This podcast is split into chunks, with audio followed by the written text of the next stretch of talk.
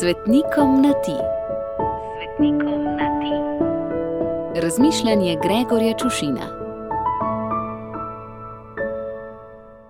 Ljubi moj sveti Tomaž Beket.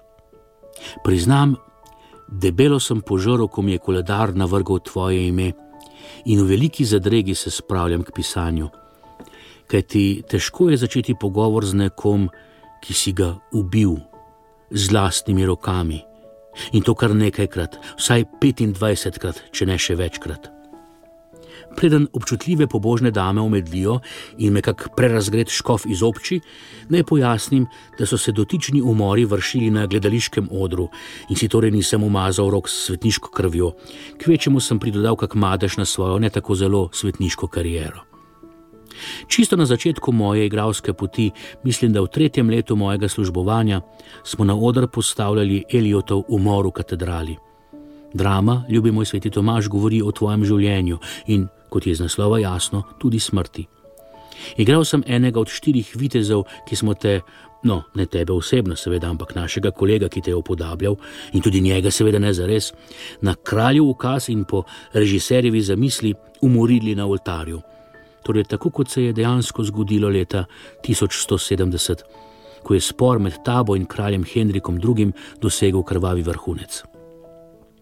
Vem, da je bila to zadnja premjera v sezoni, da je razgreto poletje trkalo na vrata in temu primerna je bila temperatura v dvorani, drama dolga, besedilo težko, a spet ne težje od vek gledalcev, ki so med našo predstavo omagali in zaspali.